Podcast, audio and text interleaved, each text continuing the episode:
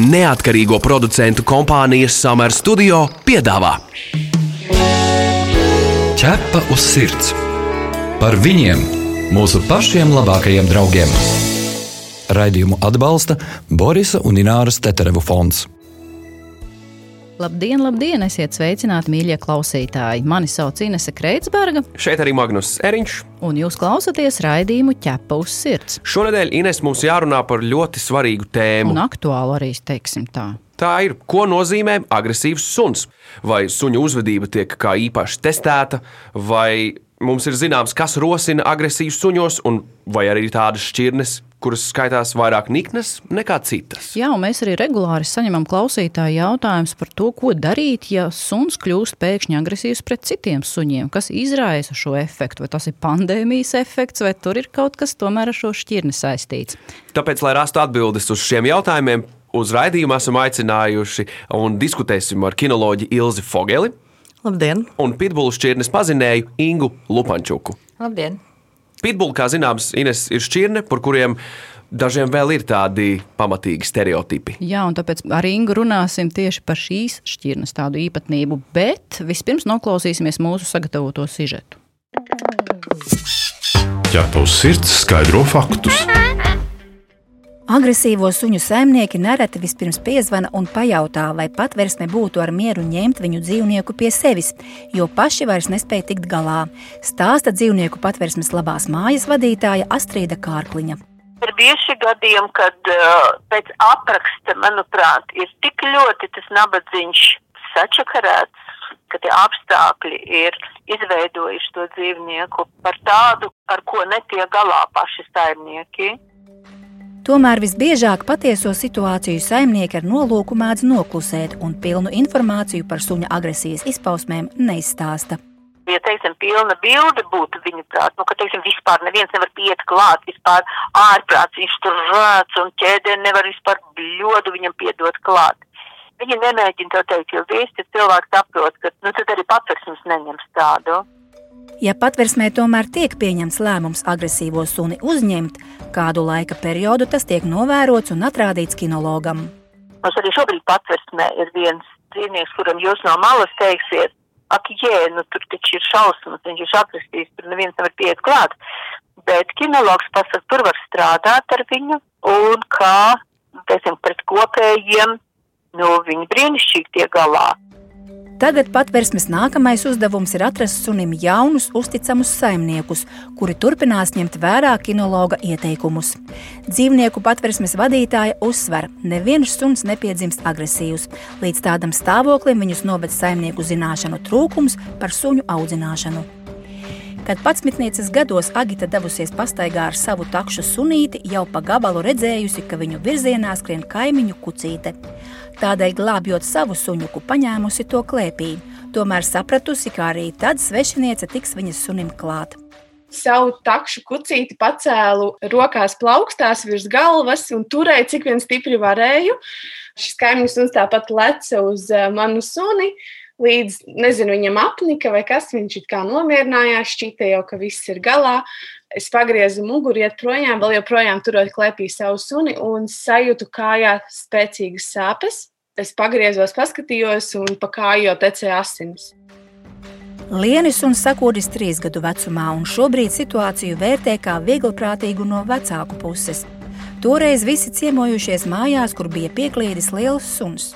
Viņam nedrīkstēja pieskarties, jo tad uzreiz tu tiec sakost. Mēs virtuvē ēdām pankūkus, un uh, mamma teica, ka tas suns esot burtiski man ielicis galvu klēpī. Gan jau, ka es gribēju viņu noglaudīt. Un es laidu lejā to roku, un es divu variantu. Vai nu viņš saprot, ka es viņam pieskaršos, viņš man iekoda, vai arī viņam likās, ka tā ir pankūka. Bet, nu, principā viņš man pārkoda plaukstu. Oļģertu vecgada vakarā sakoda kaimiņu suns, lai gan abi vasarās daudz laika pavadījuši kopā un vienmēr bijuši draudzīgās attiecībās. Laukos gāja pie kaimiņa, rāva vaļā durvis tā kā parasti. Suni nebija redzējis trīs mēnešus, četrus. Tā bija ziema, es biju, man bija šaule, kapuce un nepazina mani. Un es arī tā kā sastingu mazliet, un tad no tā momenta viņš tā kā iemetās man sejā, pārklot lūpu. Pēc tam viņš atpazina, jutās vainīgs, un pie zemes bija un, un atpazina, saprata, ko ir izdarījis. Anitas kaimiņi par savu rotvēleru rūpējušies tikai tad, kad nav bijuši alkohola reibumā.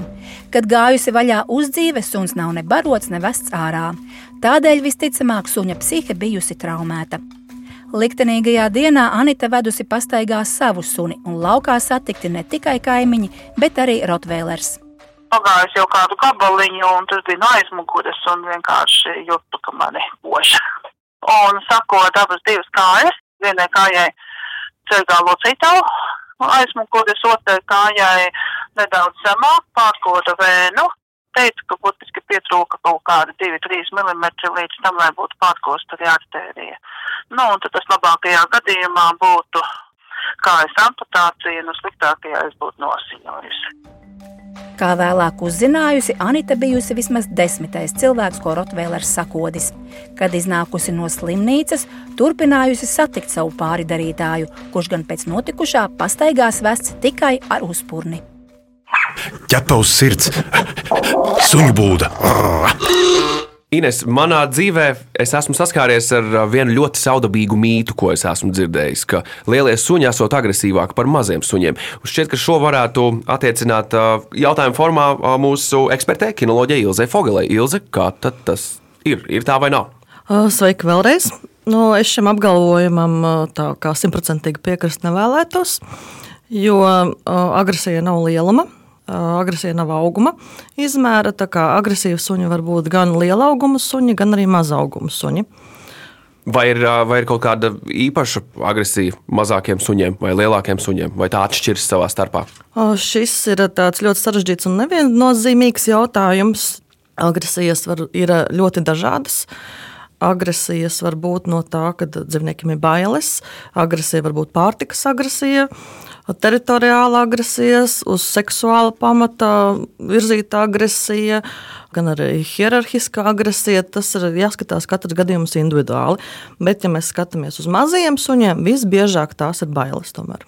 Ja es sastopos ar lielu agresīvu suni vai mazu agresīvu suni, kurā situācijā man ir nu, lielākas iespējas tikt ārā no tās nesakostam? Satiekot mazu suni. Okay. Protams. Nu, tas jau droši vien atkarīgs no zobu lieluma. Protams, Bet Ilze, satiekot mazu. Ilze, man uzreiz jautājums, kā jums liekas, vai suns mazs vai liels nav svarīgi kāds, vai viņš apzinās savu izmēru, jeb mazs suns bieži ir drosmīgs un nikns, tāpēc viņš arī domā, ka viņš ir liels. Kā jums liekas? Šeit nav gluži jautājums par to, ka suns domā, ka viņš ir liels. Viss ir atkarīgs no tā, kā tiek nostādīta hierarhija suņu starpā. Jo hierarhijā nevienmēr galvenais suns būs tas, kas ir pats lielākais. Galvenais suns būs tas, kas ir morāli spēcīgākais.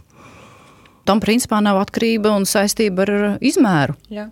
Ar izmēru tam nav saistības. Jūs gribat teikt, ka šī var, var nolikt pie vietas Dobermani? Arī var būt. Jā. Wow! Es, Arī var būt. tas tiešām izklausās neticami. Paga, Nu, mēs, bet, ja viņi ir dzīvojuši, pieņemsim, kopā, un Čihuahua bija pirmais suns, un tas Dobermans ienāca ģimenē tam? kā kucēns, un Čihua jau ir hierarhijas augšgalā, un ģimene ir ierādījusi, ka sākumā ir cilvēki, pēc tam ir cilvēku bērni, pēc tam ir Čihuahua, un pēc tam es tikai tu dobīti, un tas dobītis pakļausies Čihuahua.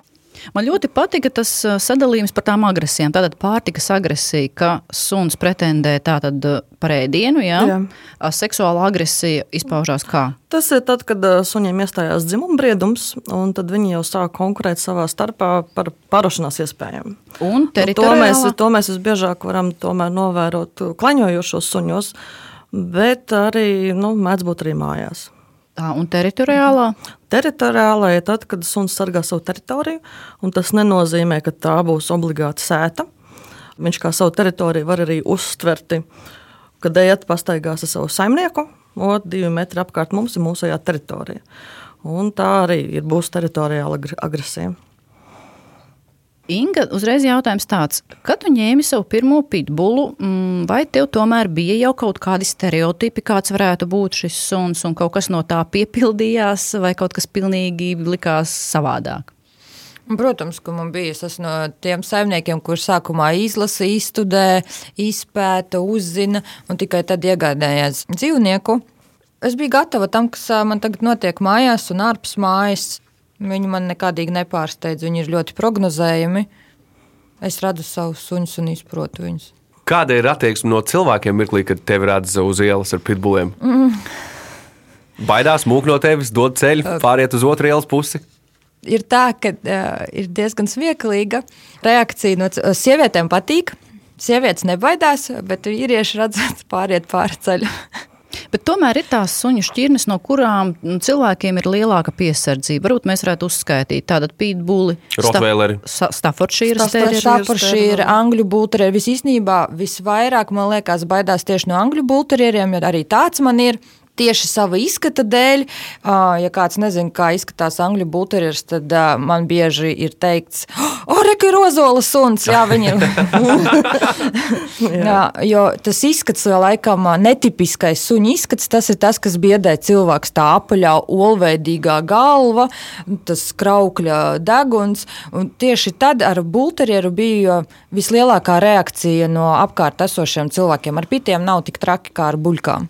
Es gribēju īstenībā vienu tādu ļoti būtisku jautājumu pajautāt. Kurā brīdī var tomēr jau nojaust, ka šī agresija sunim varētu parādīties? Vai tā ir kāda īpaša kucēna dominēšana jau kamēr viņš ir maziņš?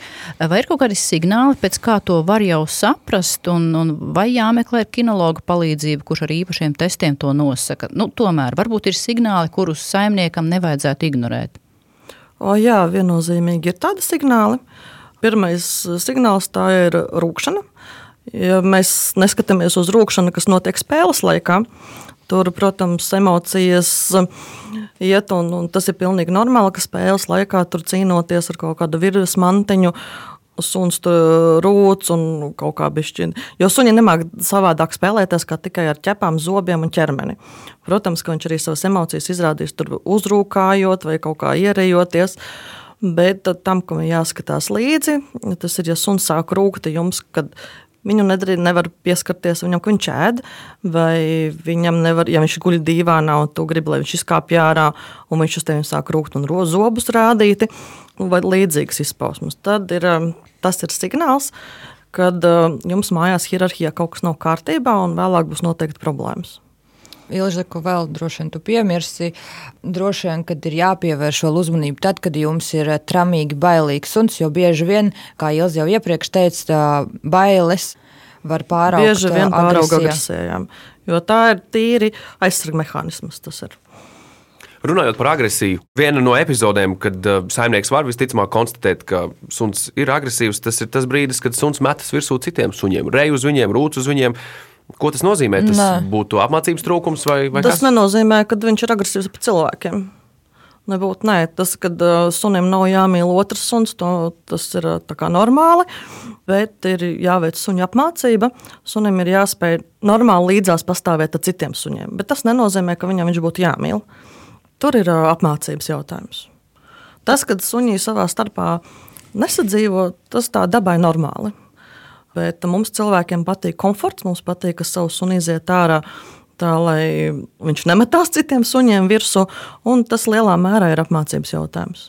Tātad pēc idejas sunim vajadzētu klausīt saimniekam tajā brīdī, ja viņš grib mesties virsū citam sunim. Tad saimniekam jāspēj viņu atsaukt. Nē, saimniekam vajag uh, reaģēt. Uh, Jau pirms uzbrukuma suns parāda ar saviem muskuļiem, ar ķermeni, kad viņš ir gatavs, ka viņam kaut kas nepatīk. Jo, jo ja suns jau ir aizgājis uz uzbrukumu, jūs diez vai viņu varēs spēsiet atsaukt atpakaļ. Labi, kas ir šīs te lietas, kam ir jāpievērš uzmanība no, suņa ķermenī? Nu, tas ir katram individuāli. Manējais piežmiedz ausis, paliek saspringts, paceļ asti gaisā, paceļ muguras daļā. Spalvu, augšā. viņš kā sapūšās, um, saspringst. Katr, katrs jau var savādāk izrādīt. Kucīti man, pieņemsim, vispār neizrāda. Viņa apguļās un pavicina astiņu, astīti. Un es saprotu, ah, nāk upuris.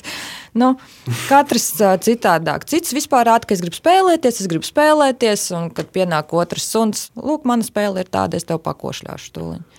Un, un šīs te lietas var novērot tikai laika gaitā, dzīvojot kopā ar savu dzīvnieku Jā. un, un, un analizējot situācijas. Jā, tieši tā īstenībā galvenais un atslēgas vārds ir analizējot un vērojot. Uh, Līdzās pastāvēšana sunim nenozīmē, ka jūs uh, redzat uh, situāciju. Atgādinām, ka jūs klausāties raidījumu ķepa uz sirds.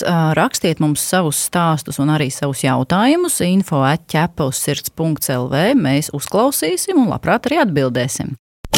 Tu pazīsti kādu īpašu dzīvnieku draugu? Tavs kaimiņš vai kolēģis palīdz nelaimē nonākušiem suņiem un kaķiem? Varbūt kāds suns vai kaķis izmainīs tavu pašu dzīvi. Raksti mums, un mēs pastāstīsim šo sirsnīgo stāstu pārējiem klausītājiem. Iedrošināsim arī citus izdarīt kādu labu darbu. Gaidām jūsu vēstuli uz info atķepa uz sirds LV. Viens no jautājumiem varētu būt šāds: vai varat pastāstīt par tām šķirnēm, kuras ir nepiemērotas iesācējiem? Piemēram, Nu, nepiemērotas iesācējiem. Es tomēr vairāk uzsveru dienas šķirnes. Ļoti populāri paliek pēdējā laikā beļģu suņi, malinoā, kas, diemžēl, priekššķirnes nenozīmē neko labu. Visiem patīk tur skatīties filmas, kā tur policijas sunīši strādā, un tad viņi iegādājās šādas šķirnes suni, nerēķinoties ar viņa temperamentu un fizisko spēku. Un tad radās ļoti daudz problēmu. Jo beļģu suns ir specifiska šķirne ar ļoti lielām darba spējām. Bet tā kā viņi kļūst populāri pēdējos gados, tad arī pavairotāji šo situāciju izmanto. Un pavairoti, protams, tiek ne tie labākie eksemplāri. Tāpēc es pirms aktīvu un darba spēju šķirņu iegādes noteikti ļoti pētītu, ko es pērku.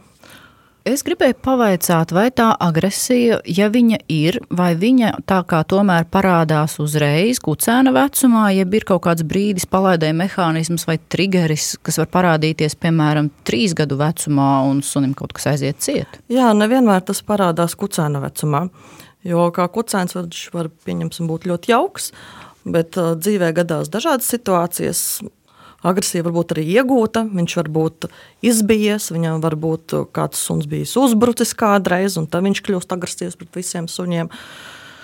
Situācijas ir dažādas. Arī tad, kad suns izaug, viņam iestājās tas pats dzimumbriedums, viņš nobriest. Pie maniem vēršās arī cilvēki, kuri saka, ka mums viss bija kārtībā ar suni, bet pēkšņi viņš te pusotra, divu gadu vecumā ir, sāk rūkt uz mums.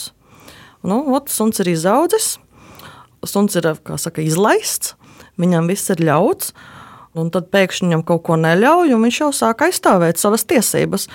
Un suns nekā citādi to nemāk pateikt, kā rūcot, un pēc tam, diemžēl, vēlāk arī kožot. Vai šo vispār var atrisināt, un cik ilgā laika posmā? Jā, protams, normālā situācijā to vienmēr var atrisināt ar apmācību. Un cik ilgā laika posmā apmēram? Ļoti dažādi, bet uh, parasti divos, trīs mēnešos suņu uzmanību var izmainīt. Kāds ir mūsu sabiedrības spogulis? Kādi pārsvarā ir suņi Latvijā? Es mēģināšu ieteikt, ka viena no pazīmēm manā izpratnē un novērojumos ir tas, ka suņi ļoti bieži kvankšķi, reinonstopā, un viņi izrāda savu agresiju, nu tā kā nu, rejot virsū, jo viņiem ir bail.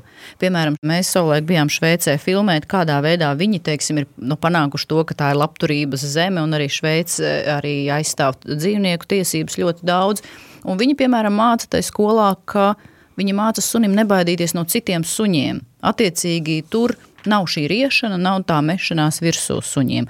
Kāpēc mums Latvijā suņi tik daudz rej un metās virsū citiem suņiem? Jums ar tā liekas, ka tas ir raudzināšana saistīts? Jā, tas ir raudzināšanas jautājums. Tikai un vienīgi. Jā. Protams, mēs nevaram izslēgt kaut kādus atsevišķos gadījumus, ja, bet uh, lielākoties tas ir audzināšanas jautājums. Vēl ar ko es saskārusies pēdējā laikā. Cilvēki pārcilvēcisko savus suņus. Jā, tas ir tieši Ak, tas pats, ko bērniņš. Ai, tev teikt, bailes jā. ir, ups, rociņās paņem šuķuķu, nebaidies visi forši, neapzinoties to, ka viņi paši pastiprina to baili tajā sunī. Suns iet, ai, liels suns, taču ātri, ātri, ātri skrienam pie manis. Nu, un suns sajūt atzinību par jā, šo nepareizu uzvedību. Tā. Vai jūs varat ieskicēt, cik liels darbs ir jāvelta, lai, uh, lai tiktu vaļā no šādām problēmām cilvēkam?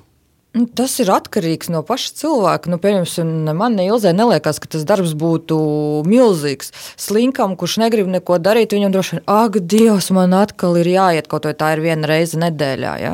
Man tagad bija kucēni, kucēni saimnieki iet pie jūs, un viņi iet divreiz nedēļā, un viņi man saka, Inga, mēs gribam vēl iet kaut kur.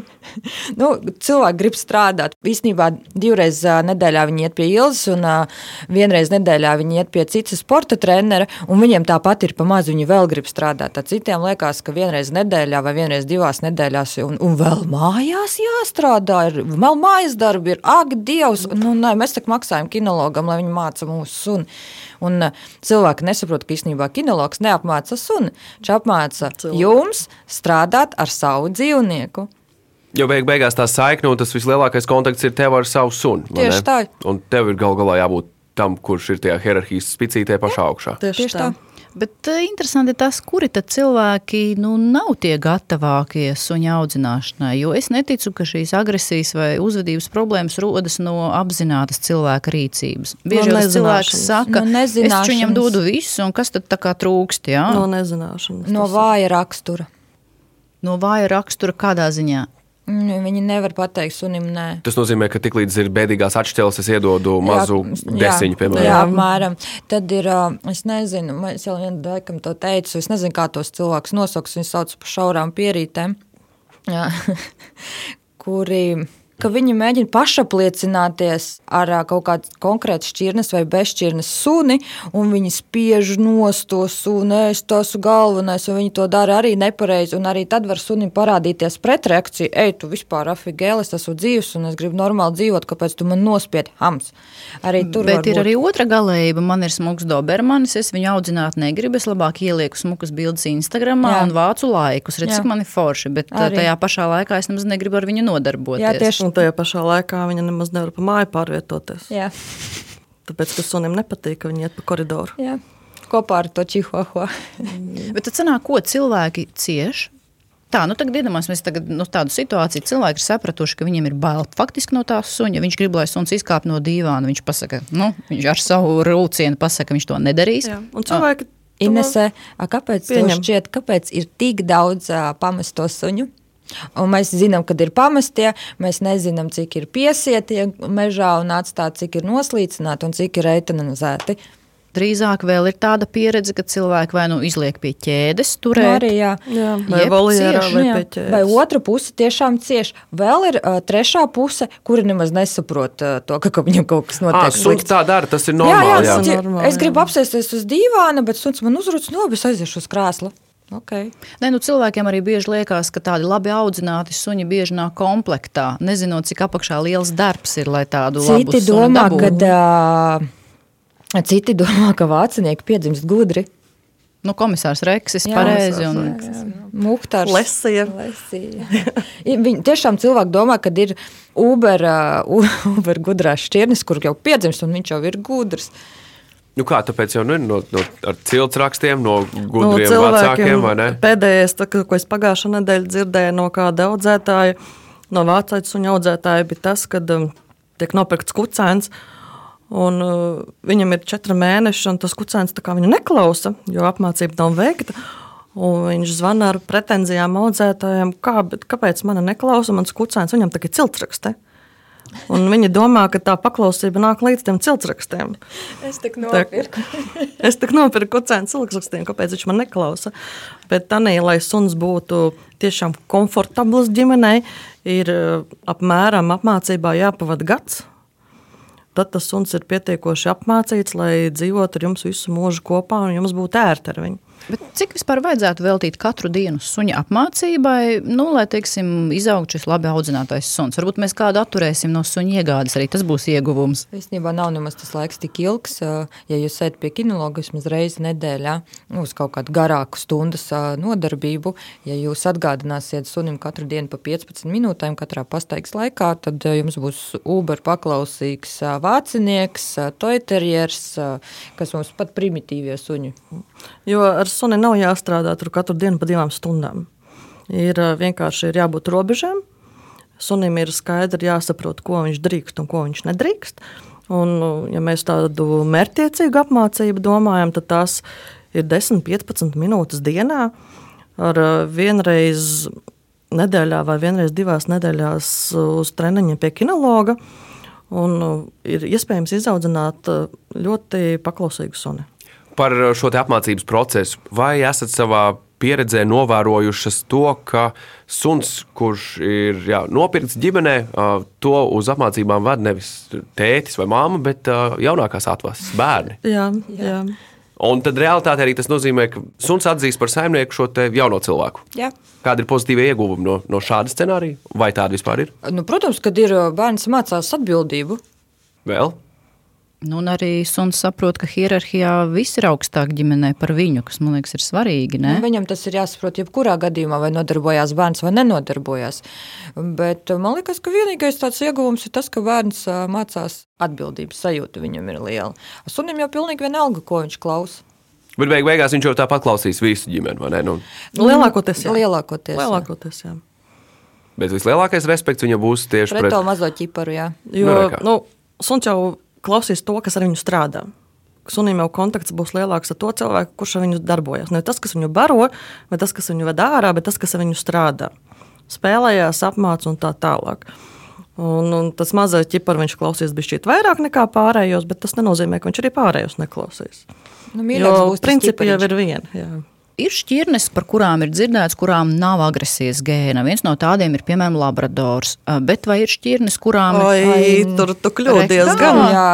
Bet es jo brūnie to, labradori šī... ir diezgan bieži sastopama agresija. Tāpēc varbūt tā ir atkāpe vien... no normas. Bet, uh, tā ir atkāpe tā no, atkāpe normas, no normas. Tas ir vaislas darbs. Jā. Jā. Nu, jā, es par to runāju, kad slikta vaislas darba jā. rezultātā mm. parādās jau agresīva mm. labradori, bet tāda nebija tā viņa būtība. Nebija. Un tāpēc jautājums, vai ir šķirnes, kurām tomēr šī zooagresija var parādīties vairāk nekā citiem? Jā, ir jā, šķirnes, jā.